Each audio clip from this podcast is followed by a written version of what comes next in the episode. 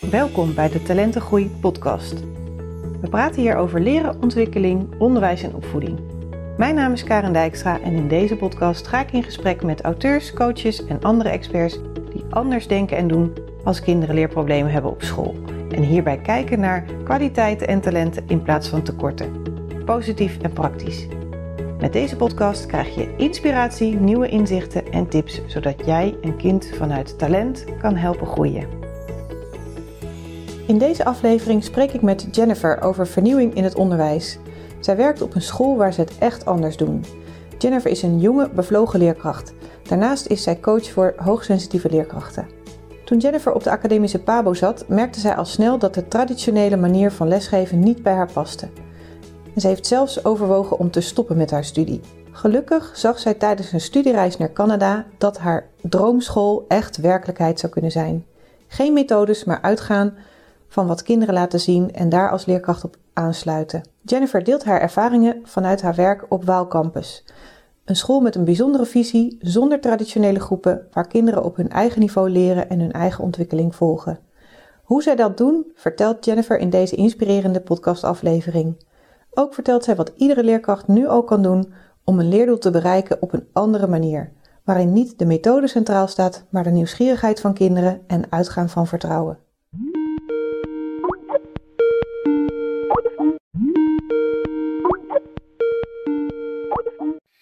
Welkom Jennifer in de Talentengroei podcast. Dankjewel. Heel leuk dat je hier uh, wil zijn om jouw verhaal te doen, want jij uh, nou, werkt wel op een hele bijzondere plek. Een hele inspirerende plek, dus daar gaan we het uh, zo over hebben. Maar zou jij jezelf even willen voorstellen voor de mensen die jou niet kennen? Jazeker. ik heet Jennifer van der Ende en ik ben nu 23 jaar. Ik heb de academische PABO gedaan in Leiden en daar ben ik in 2019 afgestudeerd. En toen ik daar afstudeerde, zocht ik een baan in het onderwijs. En toen vond ik eigenlijk wel een hele leuke baan. Hoe dat precies allemaal is gegaan, gaan we vast zo nog bespreken. Mm Maar ik werk nu dus op Waalcampus. Dat is een eh, basisschool in Schravenzande in het Westland. En wij werken niet met groepen of uh, nou ja, zoals je normaal gewend bent, maar vanuit Walen. Dus we hebben de school in vier groepen zeg maar, ingedeeld. En ik werk in Waal 3, dus dat zijn kinderen van 6 tot 9 jaar die ik begeleid. Ja, super Heel leuk, heel bijzonder. Ja, ja en um, hoe is jouw eigen schooltijd geweest? Uh, nou, ik heb zelf op een reguliere basisschool gezeten. Toen ik op de basisschool zat, was dat volgens mij ook nog helemaal niet zo uh, dat daar heel veel verschil in was. Uh, en dat vond ik eigenlijk wel heel leuk. Dus mijn basisschooltijd, ja, ik was overal, ik kon wel goed leren en ik had wel naar mijn zin. En ik was wel heel erg stil en ik hoorde altijd, nee, je, moet gewoon wat meer zeggen. En uh, ja, ik was gewoon een beetje teruggetrokken. En zelf vond ik dat, dat helemaal niet erg. De mensen om me heen vonden dat iets vervelender, had ik altijd het gevoel. Maar nou, op zich ging dat prima. Toen heb ik het tweetalig VWO gedaan op de middelbare school. Omdat ik echt een liefde voor taal heb ook. Ja. En dus dat is daar ook helemaal ontwikkeld. En toen moest ik een studie gaan kiezen daarna. Mhm. En dat was wel even lastig, want nou, ik kies best wel veel op mijn buikgevoel. Ik ben ook wel hoogsensitief. Ik, nou, dus mijn gevoel zei het onderwijs. Mhm. Je moet iets in het onderwijs gaan doen. Maar de mensen om mij heen kenden mij alleen maar als heel stil en ik zei nooit wat. Dus die zeiden, oh, zou je dat nou wel doen? En zo'n hele klas kinderen en kan je die dan wel stilhouden? En nou, maar ik dacht wel ergens, nou, mijn gevoel zei dat ik dat wel zou kunnen. Mhm. Dus toen ben ik de academische PABO gaan doen. Ook omdat ik VWO had gedaan. En eigenlijk twijfelde ik ook een beetje om pedagogische wetenschappen te gaan studeren.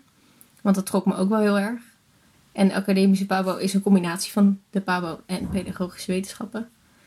Dus toen heb ik in vier jaar twee diploma's gehaald. Kijk. Dat was heel leuk en ook wel echt heel heftig. Ja. Want twee studies tegelijk is toch wel een beetje heftiger dan ik van tevoren had bedacht. Plus dat daarbij kwam dat, het, dat ik het zelf ook wel lastig vond. Want ik stond dan bijvoorbeeld op stage voor de klas. En dan vond ik het heel leuk om met de kinderen om te gaan en ze nieuwe dingen te leren. Maar ergens zat nog steeds een gevoel ook van: dit is het niet. Uh, er klopt iets niet. Ik wil meer. Ik wil de kinderen beter kunnen begeleiden. Dus ik heb een beetje met twijfel door mijn studietijden zeg maar heen gegaan. Moet ik stoppen? Moet ik doorgaan? Eh, wat wil ik eigenlijk? Dus dat was een beetje een, een struggle. Ook wel heel leuk en heel leerzaam. En ik heb echt mega gave dingen gedaan. Maar ja, dat was ook een beetje lastig soms. Ja. En, waar liep je dan vooral tegenaan? Nou, vooral uh, stage bezoeken. Dan komt er natuurlijk iemand van uh, de Pabo komt dan zeg maar bij je kijken en die kent je verder helemaal niet. En die gaat dan gelijk zeggen: Oh, dit moet je anders doen, dat moet je anders doen. En ik was zelf al best wel kritisch op mezelf. Gewoon uit mezelf. Mhm. En ook nog wel lekker onzeker. Dus dan sta je daar voor de klas. En dan heb je het helemaal voorbereid. Ga je dat doen. Tijdens je les denk je al: Oh, dit zou ik echt anders doen volgende keer. Of dit, hier loopt het even niet lekker. Dan ga je dat nog nabespreken. En dan krijg ik heel vaak ook te horen: ja, je moet gewoon wat harder schreeuwen tegen die kinderen. Want dan luisteren ze wel. En uh, je moet wat meer, uh, meer daar echt gaan staan. Maar het klopte niet met wat ik voelde, zeg maar. Nee. Ik heb altijd in mijn hoofd gehad dat je niet voor een klas hoeft te gaan staan en hoeft te schreeuwen. Want ik had echt een goede band met de kinderen. En ik had nog niet helemaal de manier om dan zeg maar dat ook echt in te zetten. Maar ergens wist ik wel dat het gewoon kon. Dat je niet voor een klas hoeft te gaan schreeuwen. Maar dat je door de band die je hebt met de kinderen en door ze echt te zien en echt met ze in gesprek te gaan, zeg maar. Om zo alle kinderen te kunnen helpen. Precies, ja. Dus ja, dat groeide een beetje uit tot heel veel twijfel vooral. Hmm. En toen ben ik uh, op een studiereis naar Canada geweest met een vriendin van mij. Omdat we in, de, in het derde jaar van de PABO moest je zeg maar, naar het buitenland iets gaan onderzoeken. Okay. En ik had familie in Canada, dus dat ah, kijk. kwam mooi uit. Ja.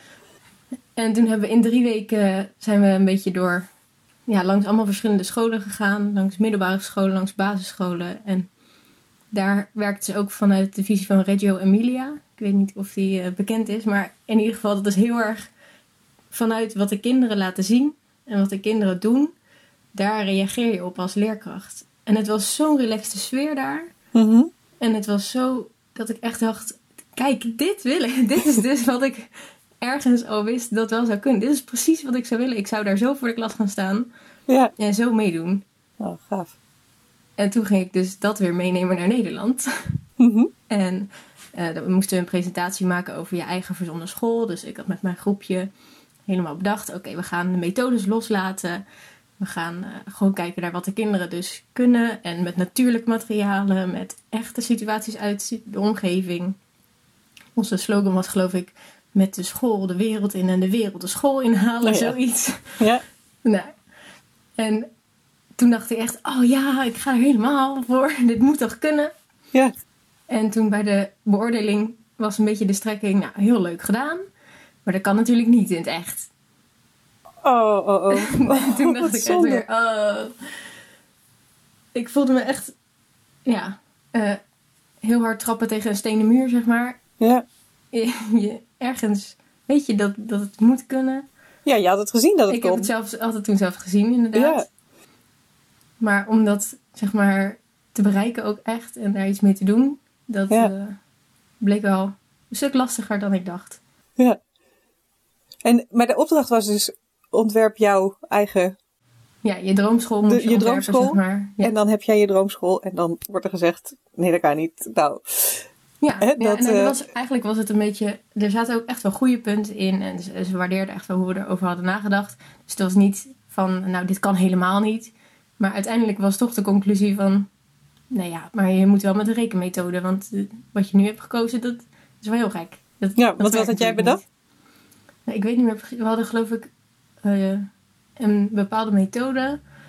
Wat dan niet helemaal zo is van eh, je hebt een werkboek en je moet alle opdrachten maken. Maar meer wat de kinderen nog willen leren of wat aansluit bij hun eigen niveau, zeg maar. Mhm. Dat kunnen ze doen. Dus Ja. we hadden het nog niet eens helemaal losgelaten. Nee. Maar nee, dat, dat was een beetje een strijd, zeg maar, een innerlijke strijd. Ja. En tegelijkertijd was ik ook heel erg bezig met uitzoeken wie ik was en wie ik wilde zijn. Ik bedoel, je bent eh, begin twintig, dat eh, hoort er ook een beetje bij. Mhm. En ook, eh, klopt het, klopt mijn gevoel? Of ga ik nu heel erg op mijn gevoel af, terwijl dat dus helemaal niet waar is? En Mhm. ja, inmiddels ben ik er wel achter dat ik gewoon heel goed op dat gevoel kan vertrouwen. Maar ja. ja, dat is een beetje een proces natuurlijk. Ja. Nou ja, in die zin, hè, natuurlijk hoort persoonlijke ontwikkeling ook al erbij. Maar ja. als ik naar mezelf kijk, op die leeftijd heb ik nou ja, vooral best wel braaf gedaan wat er inderdaad hè, gezegd werd. Ik had ook wel andere ideeën, maar nou ja, zodra inderdaad dan iemand zei van nee, dat kan niet of dat mag niet, want het is niet wetenschappelijk, dan dacht ik, oh oké, dan uh, doe ik het wel niet. Ja, Hè? En, en nou ja, dan gaan we het maar doen zoals men zegt dat het moet. En nou ja, als je dan in mijn geval tig jaar later kijkt, dan zie je dat ik toch weer ben teruggekomen op ja, de dingen die ik in de stage eigenlijk al ja, op mijn manier zag. Maar ja, die dus inderdaad niet oké waren volgens de begeleiders. En uh, ja, daarom vind, ja, vind ik het zo gaaf dat jij nu als 23-jarige gewoon helemaal daarvoor staat. En uh, ja, dat ook verder wil uitdragen en anderen daarmee ja, wil inspireren dat het dus echt ook anders kan. Dus dat vind ik echt heel En dat heeft ook wel, is ook wel gekomen doordat ik dus, ik had die, dat stuk Canada gehad, ik had de droomschoolopdracht gehad. Ik ging afstuderen. En dan moet je ook altijd nog een presentatie doen over wat is nou eigenlijk jouw visie, wat wil je nou eigenlijk. En op dat moment zag ik toevallig in de krant een advertentie voor een school bij mij in de buurt die gebouwd zou worden. Hm. En die had een hele speciale visie, zou die krijgen. En toen dacht ik, hè, nou heb ik net dat hele stuk gehad van, oké, ik, ik, was een beetje aan het loslaten, zeg maar, dat ik dat onderwijs zo zou willen doen zoals ik dus had bedacht. Mm en ik dacht, nou, dan ga ik gewoon op, op een school werken waar ik al eerder ben geweest. En daar ken ik de mensen en dat is allemaal veilig. En toen zag ik dus in de krant een advertentie, of nou ja, een stukje geschreven over een nieuwe school. Mhm. Met een visie. En er, ik weet niet meer precies wat er in de krant stond, maar het kwam er in ieder geval op neer dat je dus in groepen kinderen qua leeftijd zou werken. En dat ze op een eigen niveau aan hun eigen ontwikkeling konden werken. Dus toen dacht ik, wat? Ja. Oké, okay, uh, berichtje sturen. Ik heb mhm. degene opgezocht, dat is nu ook de directrice van die school. Ja.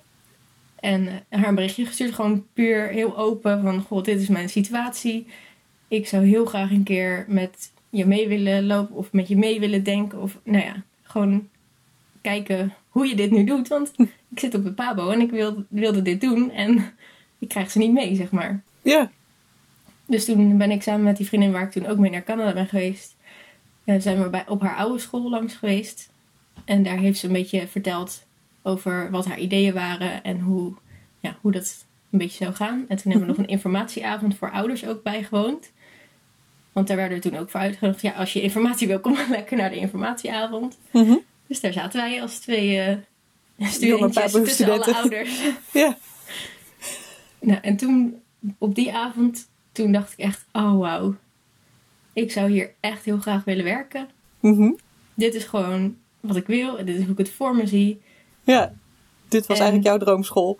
Ja, eigenlijk was dit gewoon mijn droomschool en in twee dorpen verderop. Nou, dus binnen handbereik.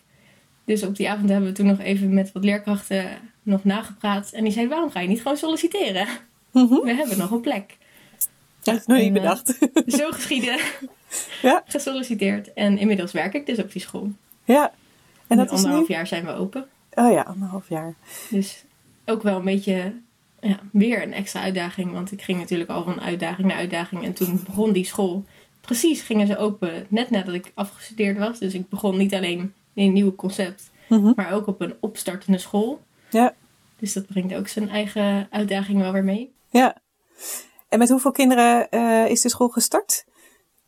Volgens mij ongeveer 60. Oké, ja. We hebben nu echt een mega grote wachtlijst wel. Want ja, er, het staat ook midden in een nieuwbouwwijk. Dus er zijn heel veel mensen uit de nieuwbouwwijk natuurlijk. Jonge willen, gezinnen, ja. Maar ook mensen echt uit de verre omgeving die het concept heel mooi vinden. En daarom hun kinderen daar naar school doen. Ja. Ja, want wat is, uh, denk jij, het allergrootste verschil tussen, nou ja, kijk, die kunnen niet alle scholen op één hoop gooien natuurlijk, maar hè, we hebben natuurlijk wel een ja, soort basis van hoe het onderwijssysteem eruit ziet. En uh, nou ja, jullie doen het echt anders. Ja. Um, wat is het, ja, wat, of de twee of drie grootste verschillen, maar wat, kun je daar wat over aangeven in concreet? Uh, nou, het eerste is dus, denk ik, de, de leeftijdsgroep. Dat is mhm. al wel anders. Want ja we werken niet op, je zit in groep 3, groep 4, groep 5. We werken ook niet in een unit groep 3, 4, 5. Mm -hmm. Dus het is wel, zeg maar, de leeftijd is 6 tot 9 jaar. Maar ze gaan over naar mijn wou als ze er klaar voor zijn, eh, sociaal-emotioneel gezien, zeg maar, in hun zesde jaar. Mhm. En dan ehm, kun je dus kijken, ze komen dus naar mijn waal toe. Eh, als we, we kijken dan niet naar de cognitieve dingen van je kan al lezen of zo. Het heeft natuurlijk wel, een, ja, het draagt er allemaal een beetje aan bij, maar we kijken dus naar het volledige pakket. Mhm. Dan is dit kind klaar om naar de volgende groep te gaan. Mhm. En wat is dan het beste, zeg maar? Dus ergens tussen je zesde en je zevende kom je bij mij in de groep. En ergens tussen je negende en je tiende ga je weer naar de volgende groep. Ja. En daardoor kunnen we heel goed aansluiten bij de persoonlijke behoeften van de kinderen. Mhm. Dat staat ook sowieso centraal. Dat is het hele idee achter het systeem. Ja. Om meer aan te kunnen sluiten bij de persoonlijke behoeften van de kinderen. Ja. Nou, ik denk dat veel mensen denken, oh, was het overal maar zo. ja. ja. En, ja, en het eh, tweede verschil dat is dat we eigenlijk zonder methodes werken. Dus we hebben voor rekenen gebruiken we wel Exova Math heet het geloof ik. Officieel, maar dat is meer zeg maar de, de leerlijn in eh, korte opdracht, niet opdrachten, maar de leerlijn is voor de kinderen ook inzichtelijk gemaakt. Hm. Dus zij kunnen dan ook zelf kijken, oké, ik, werk, ik werk nu aan dit doel. Dat betekent dat ik deze en deze opdracht kan doen. En dan werken we heel veel met materialen eerst. En dan gaan we het uiteindelijk vertalen naar het platte vlak. mhm. Dus dat is een beetje de Montessori-achtige manier zit er ook wel veel in. Ja. En op het gebied van taal gaan we echt helemaal, zeg maar, vanuit een thema eh, proberen we alles daarin te krijgen. Dus we werken in een themaperiode van ongeveer 10 weken met de Mhm. hele school. Ja. En eigenlijk is het idee dat we vanuit dat thema dus ook teksten aanbieden. eh, en dat soort dingen, zodat ze daar de taal uithalen. En we hebben daarnaast nog wel de taaldoenkast. Dat is ook een Montessori materiaal. Mhm. Daar zitten allemaal doosjes in met eh, opdrachten die kinderen kunnen doen. Oké. Maar het idee is wel om het echt zoveel mogelijk vanuit het thema aan te bieden. Ja, en in welk thema zitten jullie op dit moment? We zijn gisteren toevallig met een nieuw thema begonnen. Oh, kijk dat heet Zoek het uit. Zoek het uit. Oh. Ja. Ja, als we de thema's bedenken, dan kijken we altijd naar de interesse van de kinderen. Waar ligt hun interesse? Waar gaan ze van op aan? Mhm. Maar nu wilden we ook heel graag nog wat meer doen met verwondering. Want er zijn nu heel veel kinderen natuurlijk van andere scholen naar onze school gekomen, omdat we pas net begonnen zijn. Mhm. Dus het onderzoekend leren en de nieuwsgierigheid prikkelen en zo, dat is bij heel veel kinderen, die moeten er echt nog aan, aan wennen, zeg maar. Dat het Ja. gewoon mag en dat het kan. Die zijn Ja. gewend om Oh, aan de zelf tafel te zitten en een bladzijde om te slaan als het gezegd wordt. Ja. En wij zeggen, hier is een kast, pak materiaal waar je mee wil werken Mhm. en we kijken welk doel daarbij hoort. En zo leer je elke keer verder. Ja. Dus dat is heel ver uit elkaar. Mhm. Dus vandaar dat we nu het thema hebben gericht op eh, echt onderzoekend leren. En vooral die verwondering ook. Waar verwonder jij je over? Ja. En hoe kun je dan zorgen dat je een antwoord krijgt op jouw vraag? Mhm. We zijn bezig met onderzoeksvragen en opzoekvragen. Dus wat zijn nou vragen die, waar je eigenlijk zo het antwoord van kan vinden? Ja. Op internet of in een boek of dat soort dingen. Ja. En wat zijn vragen waar je echt een soort onderzoek voor moet doen? Met een onderzoekscyclus die we hebben met van die gekleurde vakken. Ken je vast wel. Je gaat eerst verkennen, dan ga je voorbereiden, dan ga je het doen en dan ga je het presenteren en evalueren. Ja. Dus eigenlijk vanuit onze behoefte om die kant aan te bieden en vanuit de interesse van de kinderen om ja, eh, alles met wetenschap uitzoeken, professor, uitvindingen, dat soort dingen spreekt heel erg aan. Ja. Dus die twee gecombineerd hebben nu het thema Zoek het uit Ja. Leuk. gemaakt. Ja, en dan werken dus de kinderen eh, van zes ook samen met de kinderen van negen, zeg maar daarin. Dat, eh, ja, Ja, dat is het mooie door elkaar eigenlijk. heen. Dat is nu nog, zie ik nu nog meer dan ik van tevoren had verwacht. Hm. Dat eh, er zijn kinderen bijvoorbeeld die zes zijn, maar die heel sterk zijn in rekenen. Mhm. Ja, die rekenen dan soms met kinderen van negen samen. Of kinderen van negen die het lastiger vinden om te lezen bijvoorbeeld. Die hebben dan nou, bijna een trauma van ik kan niet lezen, ik doe het niet, Mhm. ik doe helemaal niks.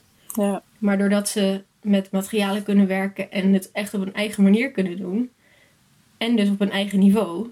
Want ja, je werkt dan samen met kinderen van zes.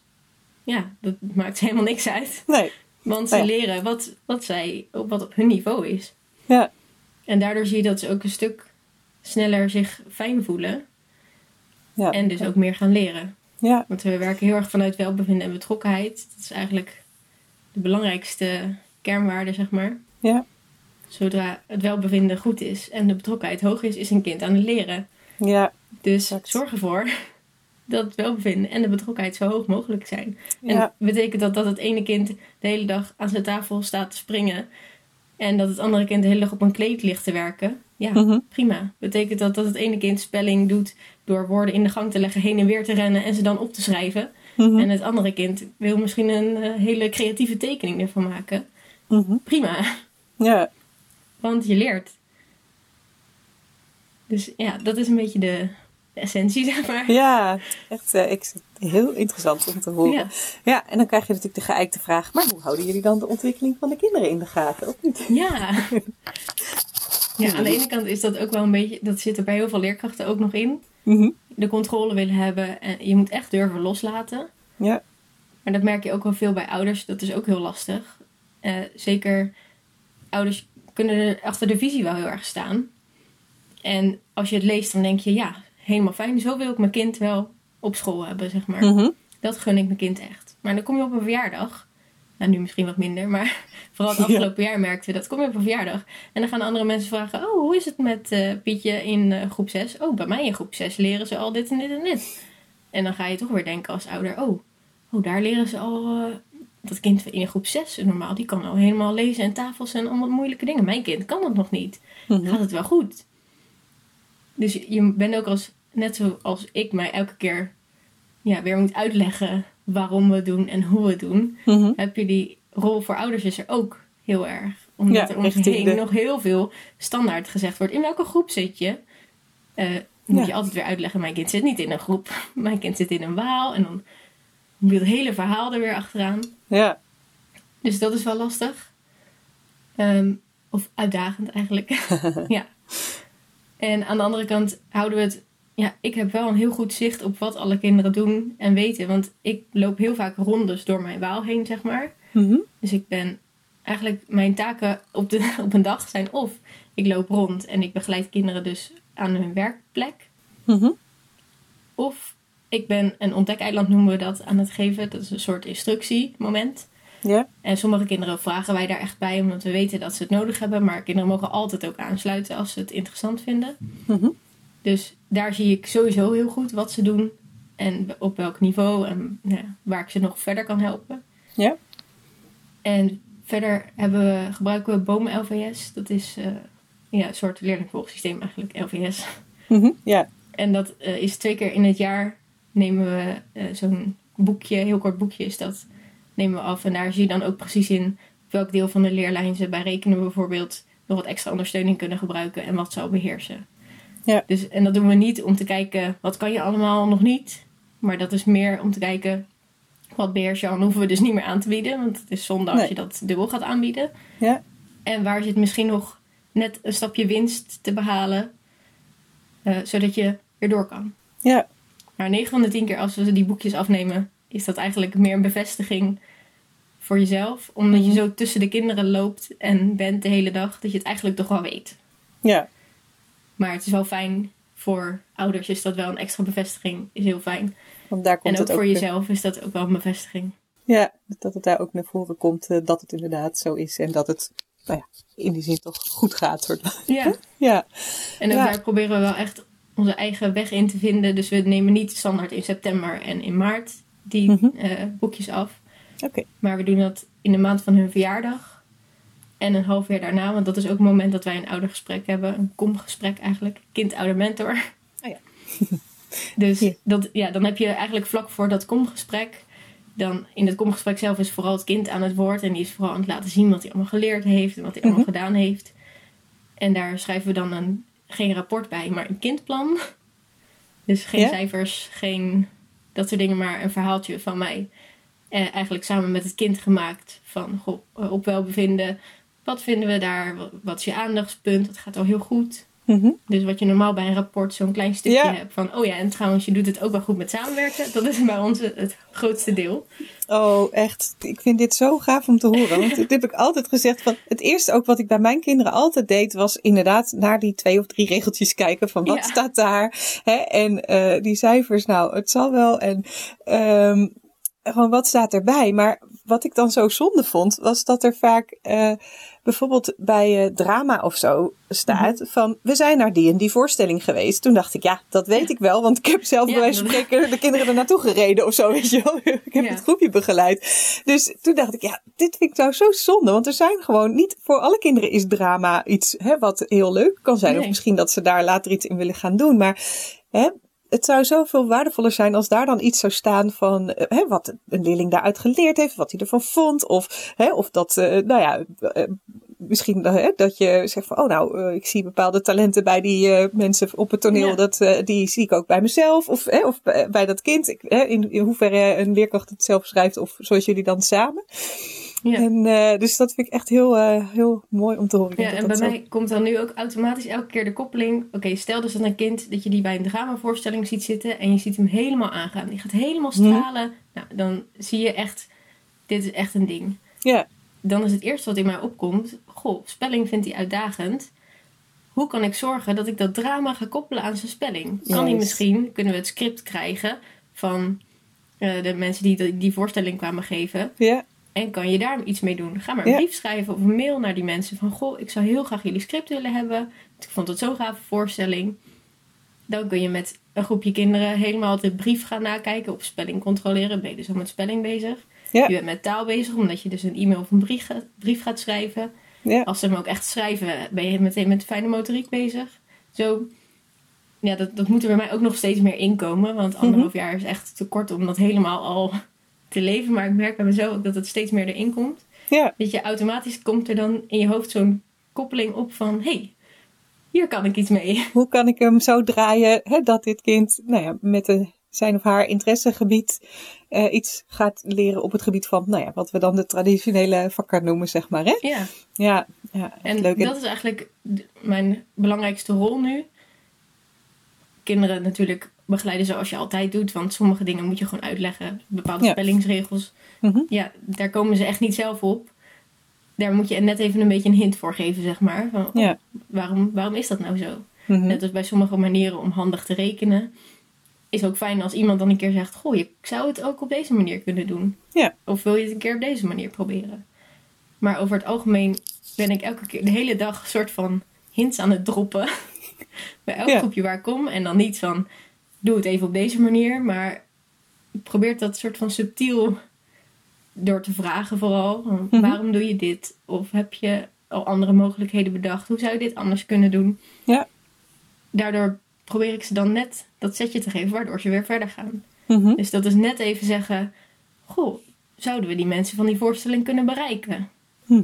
Hoe zouden we dat kunnen doen? Ja. Oh ja, oh ja, dat kan. Nou, dan heb je zo een groepje met drie, vier kinderen misschien wel meer, die zeggen: Oké, we gaan, uh, gaan we papier pakken, dingen, gaan ze allemaal regelen.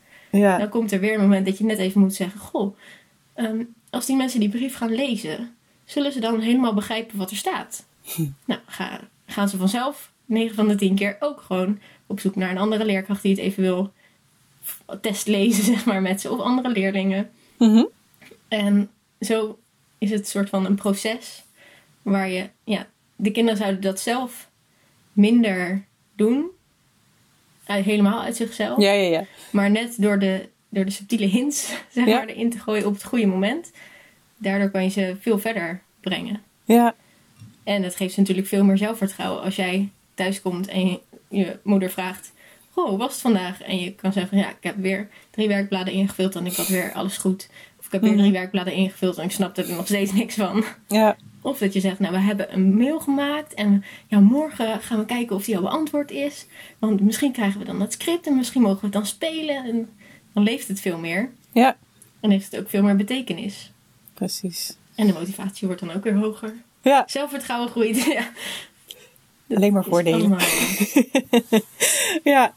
Ja, nou, dat is uh, ja, precies nee, wat je net ook zei van hè, dat als een kind spelling moeilijk vindt en als je dat dan op deze manier uh, kan doen, dan is die motivatie er vanzelf, zeg maar. Ik had ja. uh, gisteren uh, was er ook een mooie room op Clubhouse over motivatie bij jongeren. En nou, toen ging het er ook over van ja, maar hoe, hoe, ja, hoe kunnen we ervoor zorgen dat kinderen, kinderen, jongeren hè, meer gemotiveerd zijn? En ja, bij, ik dacht ook van, of dat heb ik ook benoemd daar, van ja, kinderen moeten gewoon weten ook waarom ze iets doen. Zo, ze willen wel leren, ze zijn van nature nieuwsgierig.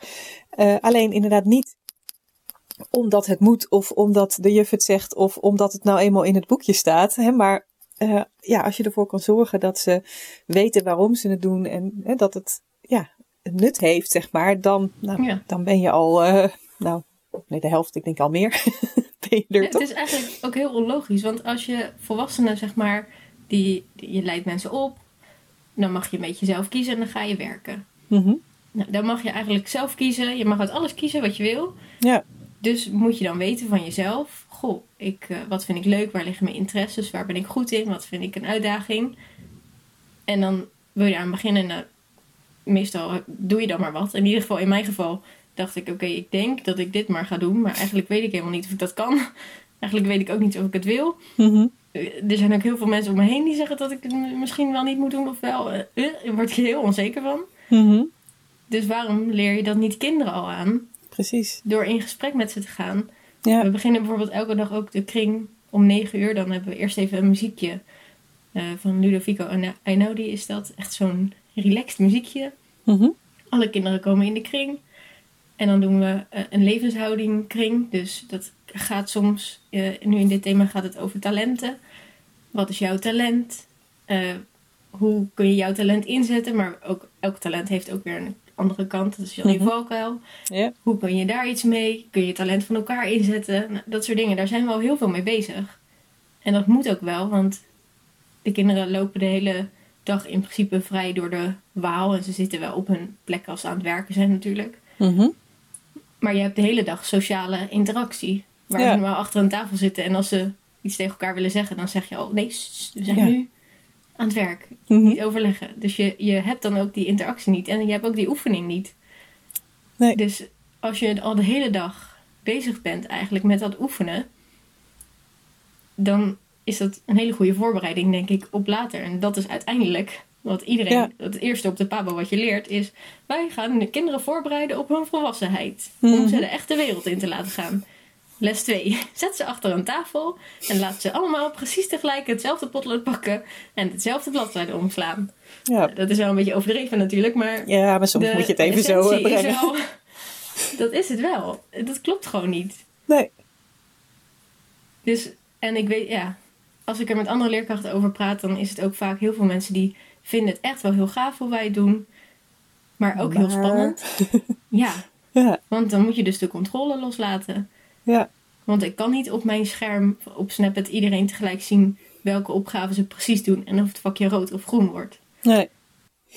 Nee, dus het tegenovergestelde eigenlijk van die controle is, nou ja, vertrouwen. Hè? Dat Ja. is eigenlijk wat jij ook eh, zei van eh, echt de basis van ja, hoe jullie op school eh, werken. En ja, ik vind dat echt een super mooi uitgangspunt. En ik ben Ja. nou ja, heel blij dat jij dit in de podcast wil vertellen. Want mijn intentie met deze podcast is ja, eigenlijk om Nederland en België eh, te laten zien dat bepaalde dingen echt anders kunnen. En dit is daar echt een super gaaf eh, voorbeeld van. Want ja, dus, hè, en dat zie je dus wel de laatste jaren, hè, dat er wel eh, ook op de middelbare scholen wel scholen zijn die het echt anders doen, die ook niet met cijfers werken, et cetera. Hè, maar het zijn er gewoon nog niet zo heel veel. En Nee.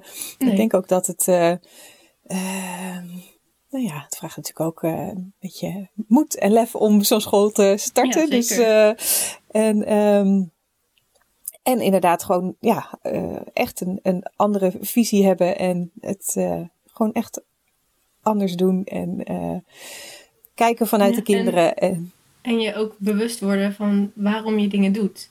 Mhm. Dat is mijn, gelijk mijn beste tip die ik iedereen altijd meegeef. Als ze vragen, ja, hoe, hoe kan dat nou? Dat, dat jullie school zo anders is en zo... En dat het, ja, hoe doe je dat nou? Mhm. Of ik zit in een school en ik wil het echt wel anders, maar niemand om me heen heb ik.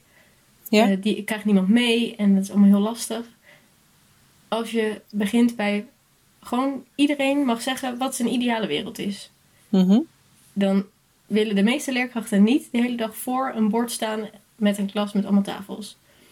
Want iedereen wil het eigenlijk wel anders. Mhm. Alleen die stap naar echt het, het ideale beeld is gewoon heel groot. Dus ik snap ook dat als je al een school hebt en je hebt al een bepaald systeem, om dan ineens alles om te gooien, Mhm. Dat is wel heel lastig. Maar daardoor doen mensen het vaak helemaal niet. Nee. Want het is, oh ja, dat wil ik wel. Nou, dat kan niet. Maar als je nou gaat kijken, wat is mijn ideale beeld?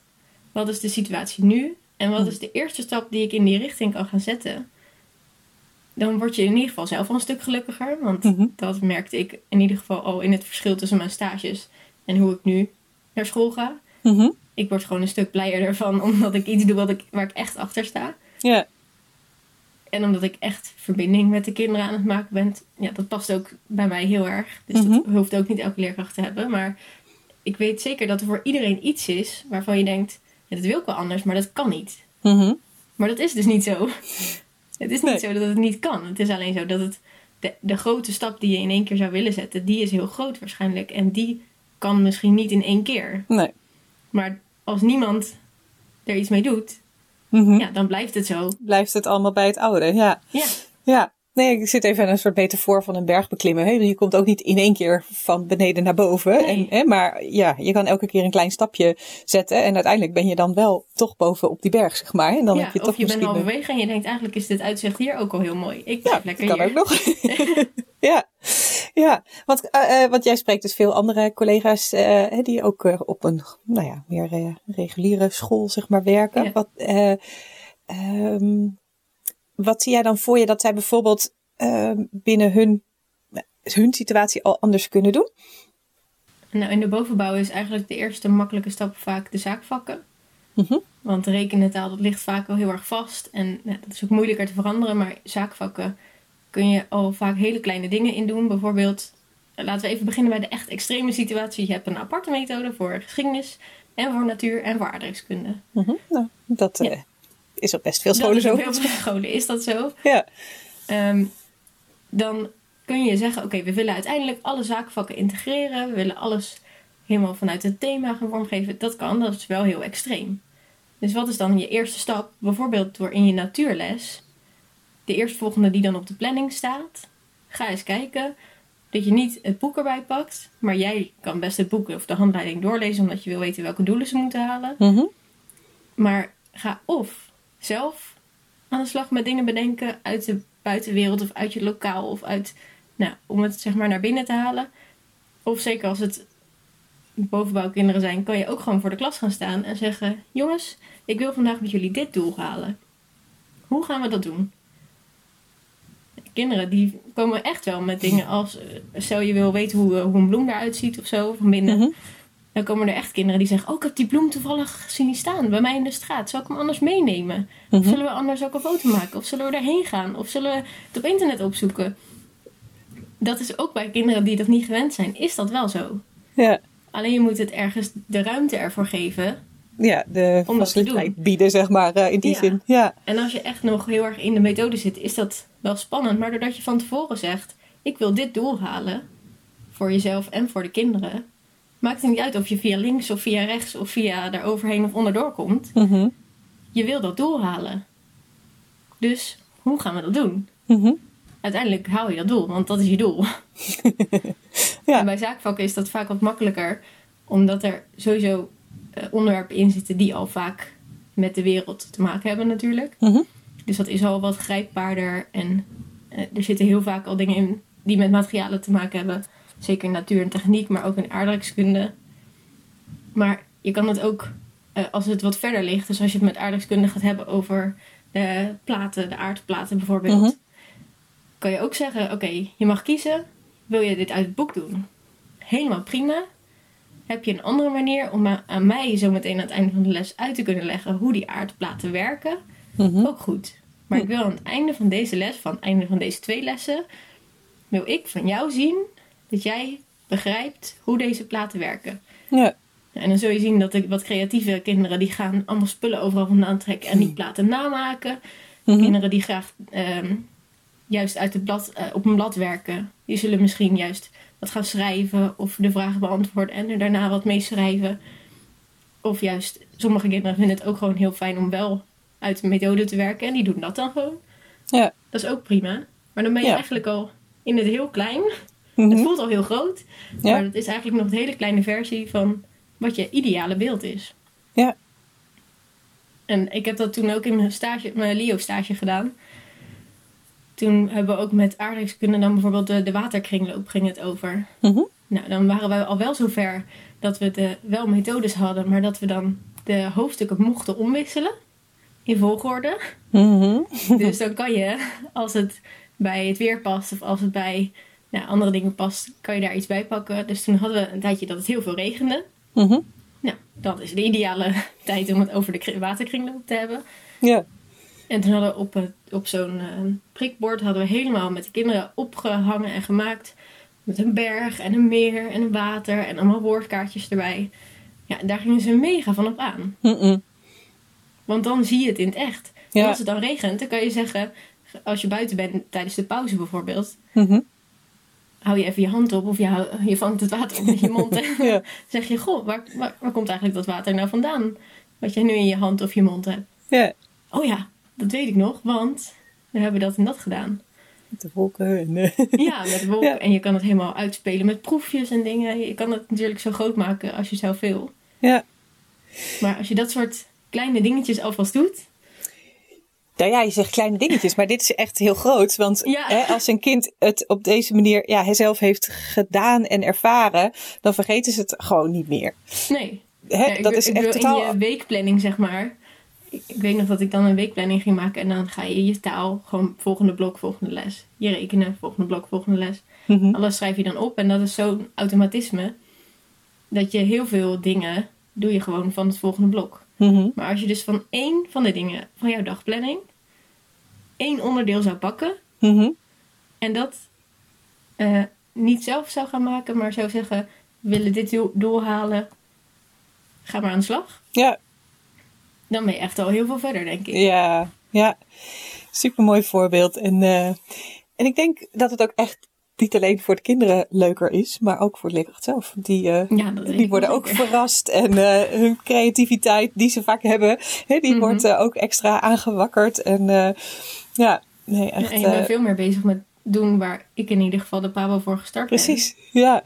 Kinderen helpen en ze, ze verder helpen, zeg maar. Ja. Ik heb nu veel meer het gevoel dat ik dat doe dan toen ik de volgende les, het volgende blok, mijn les ging afdraaien. Ja. Ja, heel erg mooi. En ehm ehm, en hoe, eh, kijk, jullie houden heel goed de kinderen in de gaten. En ehm, jullie hebben natuurlijk, ja, in de anderhalf jaar zijn er, zijn er al kinderen, nee, ik, laat ik hem openstellen, want misschien zijn er wel kinderen al een stukje gestart op jullie school. En nou, of ik weet niet of jullie met alle kinderen aan het begin begonnen zijn en dat ze zo doorstromen, of dat jullie meteen op alle leeftijden zijn begonnen en dat, nou ja, de laatste groep, eh, dus misschien een klein groepje was, maar die dus al de overstap hebben gemaakt naar de middelbare school. Of zijn Ja, die er we nog hebben niet? vier kinderen gehad, zeg maar, die, in het, eh, dus die vorig jaar schoolverlaters waren, dus die nu op de middelbare school zitten. Ja? En dus we zijn eh, wel met in elke groep een paar kinderen gestart. En natuurlijk wel meer jongere kinderen dan oudere kinderen, want die maken Ja. makkelijker de overstap. Mhm. Dus nu hebben we nog steeds wel wat zij instroom, maar vooral ook- laten we ook veel kinderen eh, van onderaf erboven doorstromen. Ja. Omdat we merken dat het een stuk fijner werkt voor de kinderen ook. Mhm. Omdat Ja. ze niet ineens een heel ander systeem alles anders moeten. Maar ze zijn gewoon gewend om zo te werken. Ja, precies. Ze weten niet beter. En, maar dat is, kan dus natuurlijk wel een beetje een cultuurshock zijn voor de kinderen die Ja. dus op jullie school hebben gezeten. En dan op een school komen, mogelijk, waar het dus wel heel ja, klassiek, traditioneel eh, is, zeg maar. Dus dat. Mhm. eh, ehm, ik weet niet of jullie contact houden met de kinderen van hoe dat Ja. gaat. Of, eh, Dat ja. is wel een heel, daar daar zijn we eigenlijk ook wel heel benieuwd naar natuurlijk. ja. Ehm, hoe dat dan uitpakt. En er zijn Mhm. ook wel scholen bij ons in de regio die niet, middelbare scholen, die niet zo vernieuwend werken, maar wel eh, iets meer op je eigen leerpad, zeg maar, Mhm. kunnen werken. Ja. Dus dat scheelt wel, want dat maakt het iets makkelijker. Mhm. Maar over het algemeen zie je nu dat. Nou ja, we hebben dus pas één lichting gehad, dus je kan Ja, er ook nee, ik. over zeggen. Ja. Maar wat ik nu wel merk met de kinderen die nu anderhalf jaar bij ons zitten, is dat ze nu al veel beter over zichzelf kunnen vertellen wat ze weten, wat ze moeilijk vinden en hoe dat dan eh, invloed heeft op hoe ze leren, zeg maar. Mhm. En dat leggen ze natuurlijk niet uit in de volwassen woorden zoals wij ze gebruiken, maar Mhm. door die zelfkennis, ook al kom je weer in een heel klassikaal systeem, dat gaat je denk ik wel irriteren Omdat je het niet zo gewend bent. En je, je wil dan waarschijnlijk elke keer vragen... Oh, maar mag ik het ook op deze manier doen? En dan Ja, ga je nee horen. Maar Ja. eh, doordat die basis er wel is... kun je ook veel makkelijker dat loslaten. En denken, oké, dit systeem is nou eenmaal zo. Ik ga lekker thuis nog leuke dingen maken. Of Mhm. ik ga er zelf een beetje een draai aan geven. Omdat het ook veel meer in de kinderen zit. Ja. Dus ideale situatie is dat, de, dat of onze school uitbreidt Ja. naar ook middelbare school, zeg maar. Mhm. Of dat er een middelbare school is die aansluit bij ons systeem. Dat zou natuurlijk helemaal eh, heel fijn zijn. Ja, En voor nu is dat er nog niet. nee.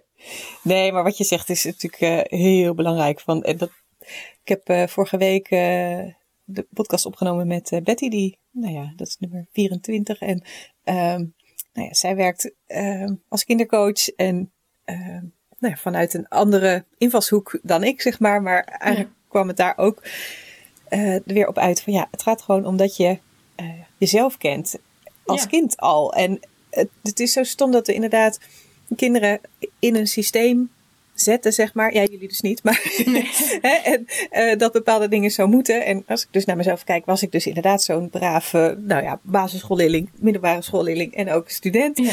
Ehm, maar ja, hè, je eigen ding kon je daar niet echt in kwijt. En ook, nou ja, heel veel volwassenen die ook gewoon zijn gaan werken. Ja, die komen er pas veel later achter van, oh, nou, ik moet er eigenlijk eens even kijken wat ik er eigenlijk van vind of hoe ik daarin sta. En Ja. die hebben dan. En er is niks mis met coaching. Ik vind Nee. coaching fantastisch. Maar hè, eigenlijk wel om iemand dan weer terug te brengen. eerder Te hebben, ja. Precies, ja. Dus hè, daarom nou ja, is mijn missie ook om eigenlijk zoveel mogelijk eh, ouders en mensen uit het onderwijs te bereiken eh, op het gebied van de leerstijlen dan in mijn ja. stukje.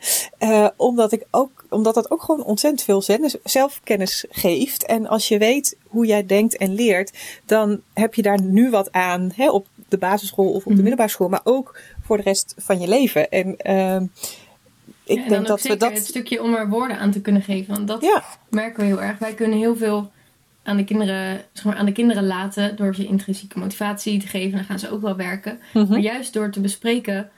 eh, we hebben bijvoorbeeld de leerkuil. Nou, die komt echt heel vaak bij ons terug. Mhm. Als je daar woorden aan geeft voor kinderen. Oké, je zit nu dus even onder in die leerkuil. Je kan ervoor kiezen om te stoppen. Je kan ook de andere kant op gaan. Wat heb je nodig om uit die leerkuil te komen? Daardoor kunnen ze ook. Wordt het allemaal veel logischer voor hun. Mhm. Ja. En dan ga je niet zo snel denken van, oh, ik kan iets niet, ik doe het dus niet. Maar daardoor weet je dat er andere opties zijn. En weet je dus ook dat je dan hulp kan vragen, Hulp bijvoorbeeld. vragen. Ja. Of dat je je eigen talenten op een andere manier kan inzetten. Nou, er zijn natuurlijk allemaal manieren om daar weer uit te komen. Mhm. En dat je dan leert. Ja. Dat helpt je ook om er makkelijker over te kunnen praten. En door om anderen beter te kunnen helpen. En ja, dat maakt het allemaal een stuk makkelijker. Ja. Ja, zeker. Nee, dus ook dat ze gewoon ook van elkaar zien. En misschien zeg je als eh, leerkracht ook wel eens van... Oh, nou, ik zit ook even in de leerkuil, bij wijze van Ja. spreken. En, oh, Oh, nou, zeker kan jij me misschien helpen? Ja.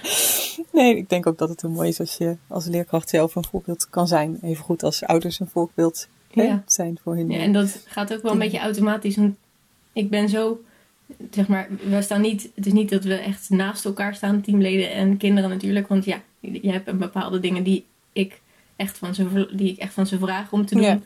Bijvoorbeeld dat we met z'n allen in de kring zijn. Er zijn gewoon duidelijke kaders. Ja.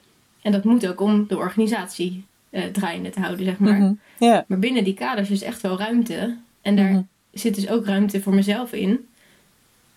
Om aan de kinderen te laten zien. Ik ben ook in ontwikkeling. Ik vind dit ook spannend. Dat is met alle, me- alle mensen, alle kinderen. Vaak tijdens komgesprekken heb ik dat ook. Dan heb je een kind die ergens helemaal in vastloopt. Nou, als je de vraag aan ouders stelt. Herken je dit? Mhm. En heb je dat ook? Vinden ze het vaak heel spannend om dan tegen hun kind te zeggen. Weet je, eigenlijk vind ik het ook heel moeilijk om tegen anderen te zeggen wa- waar mijn grens ligt. Mhm.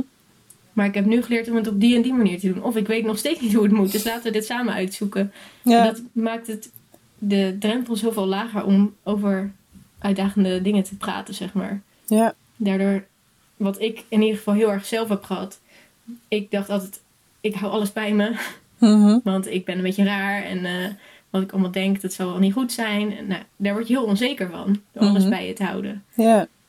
Maar juist door het te delen en erover te kunnen praten, op een manier waarbij je weet: oké, het is gewoon oké. Iedereen heeft dit. En al heeft iemand het niet, is het nog steeds oké. want het hoort bij jou. Ja.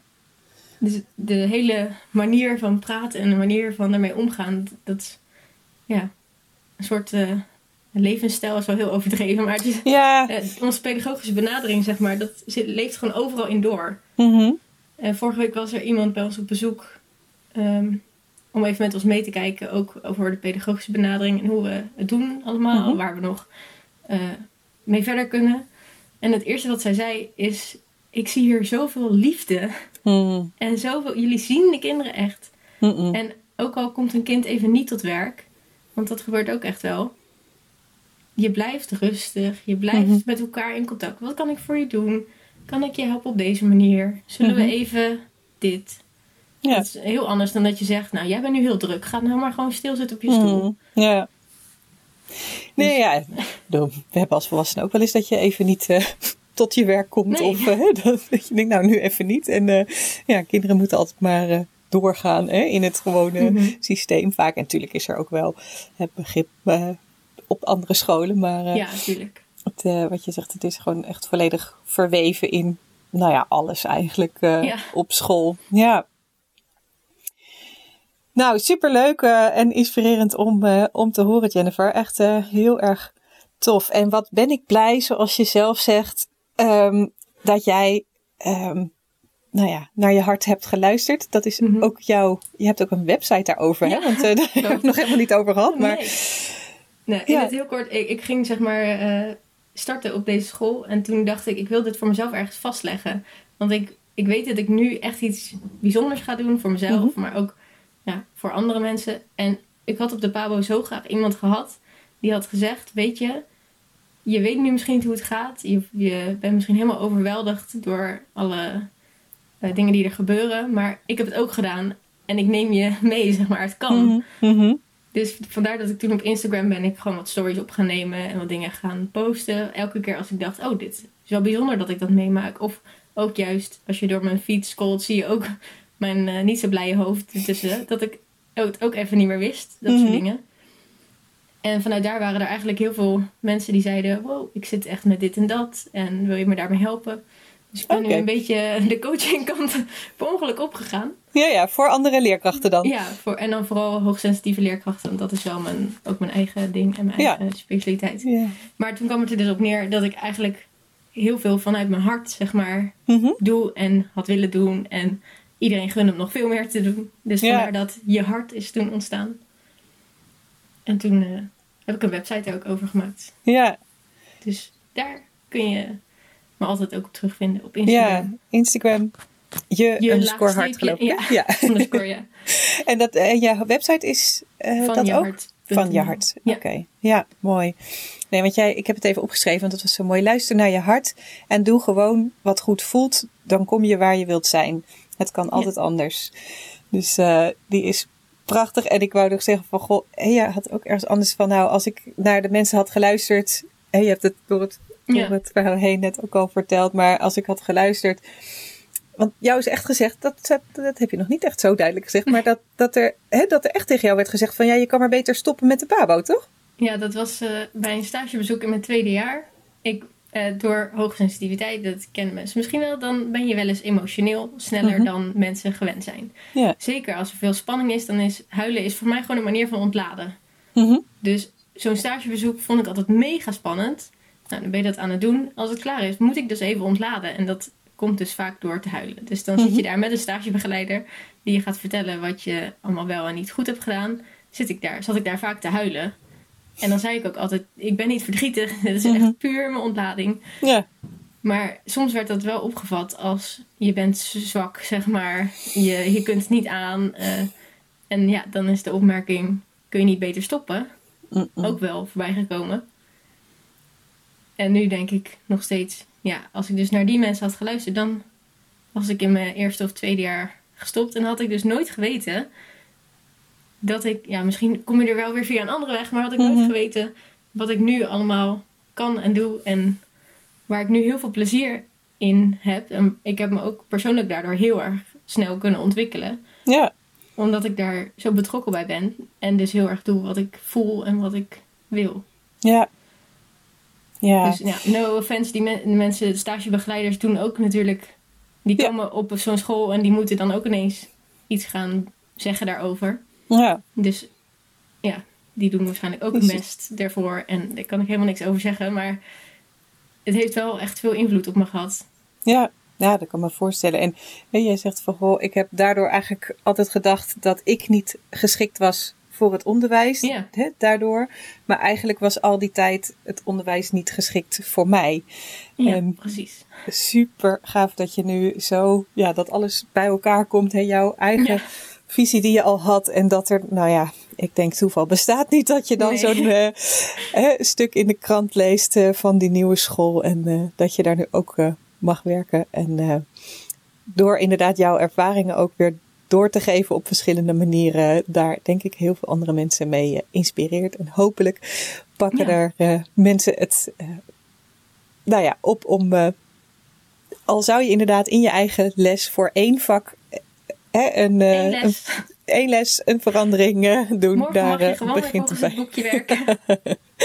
Nou, mooie nee, uitdaging. Hoe zeg je dat? Mooie, ja. Ja. Inspirerende opdracht eigenlijk. Laten we het zo Ik eh, ben zeggen. benieuwd. Of men- als ja. mensen ermee aan de slag gaan, laat het me weten. Want dan word ik dus ook weer... ja, dan moet je Dan even worden wij ook heel enthousiast van. Jennifer taggen op, eh, op Instagram. Dan Ja. eh, kunnen we... Of als je denkt, ik wil het wel, maar ik weet niet hoe. Ja, Wij zijn hier ja om je nou, te supporten. Want superleuk dat je dat... ja. En even nog nieuwsgierig. Werkt jouw vriendin ook op, eh op Campus of niet? Nee, nu hebben we een, echt een mini-mini team. Oké. Dus er was toen geen plek. Zij- We hebben wel samen ook allebei gesolliciteerd. Ja, Maar zij werkt nu op een andere school binnen, wel hetzelfde bestuur. ja, Maar op een andere school en daar is ze ook een soort van de onderwijsvernieuwing ja. aan het eh, promoten. Oh, goed zo. Dus het komt allemaal wel. eh, niet, als het niet één weg is, komt het de andere weg. Zo is het. nou, is er nog iets wat jij eh, tot slot wil meegeven aan ja, mensen in het onderwijs of eh, ouders? Nou, eh, mijn ding, als je me op mijn stories volgt, is dat een beetje mijn ding. Leg je hand op je buik. Ik weet dat niet iedereen zo gevoelig is als ik. En dat hoeft ook helemaal niet. Maar ik denk Mhm. dat het voor iedereen werkt. Als je nu hier naar luistert, leg dan nu je hand op je buik. En vraag je af, wat wil ik? Wat heb ik nu nodig? En als je daar even een momentje voor neemt, dan komt er altijd iets. Dat kan iets heel groots zijn, waarvan je denkt, dat kan ik echt niet. Dat hoeft ook niet in één keer. Maar als je dat vaak genoeg doet, dan kom je er wel uiteindelijk. Dus dat is mijn advies, mijn afsluitende advies. Ja, heel mooi. Jennifer, dank je wel voor het delen van jouw eh, prachtige verhaal. En eh, nou, ik hoop dat het veel meer mensen aanzet tot vernieuwing in het onderwijs. Want we horen het hier. Het kan Ja. echt. Dankjewel. Bedankt voor eh, het platform, want wij eh, gaan mooie dingen doen, denk ik. Dankjewel voor het luisteren naar deze aflevering. Wil je op de hoogte blijven van nieuwe afleveringen? Abonneer je dan door in je podcast-app te klikken op de button abonneer of subscribe. Vind je deze aflevering interessant en ken je iemand die baat zou hebben bij deze podcast? Dan zou ik het super vinden als je de podcastaflevering deelt of doorstuurt. Bijvoorbeeld door een screenshot te maken of de link te delen vanuit iTunes of Spotify. Klik op de drie puntjes en vervolgens op delen. Zo help jij andere ouders of collega's in het onderwijs en daarmee nog meer kinderen bij wie leren niet vanzelf gaat. Dankjewel als je dat wil doen. Het is mijn intentie om waardevolle inzichten te delen en hiermee zoveel mogelijk ouders en leerkrachten te bereiken. En een handvatten te geven zodat zij kinderen kunnen helpen hun talenten te leren kennen en in te zetten. Zodat ieder kind weer met plezier en vol zelfvertrouwen naar school gaat. En zij als kind en als volwassene kunnen leren en leven vanuit talenten. Ondersteun je mijn missie? Geef mijn podcast dan bij reviews bijvoorbeeld 5 sterren en als je wil ook een geschreven review. Dit kan heel makkelijk in jouw podcast-app. Loopt jouw kind of leerling vast op school en heb je het gevoel dat het anders kan? Lees dan mijn boek In 10 stappen leren vanuit talent. Ik zou het leuk vinden als je het bestelt via mijn website, maar het is ook te koop via alle boekhandels of te leen in de bibliotheek. Ik vind het altijd leuk om berichtjes te ontvangen van jou als luisteraar om te horen wat je van een aflevering vindt of als het je een bepaald inzicht heeft gegeven. Stuur me dan even een mailtje via karen.talentengroei.com of een persoonlijk bericht via LinkedIn of Instagram. Zoek op Karen Dijkstra. Karen is met een E. En talent en groei, dan kan het niet missen. Dit kan uiteraard ook als je een vraag of suggestie hebt. De audiobewerking van deze podcast is verzorgd door Jeroen Sturing. Ik kijk alweer uit naar een volgende podcast. Graag tot dan.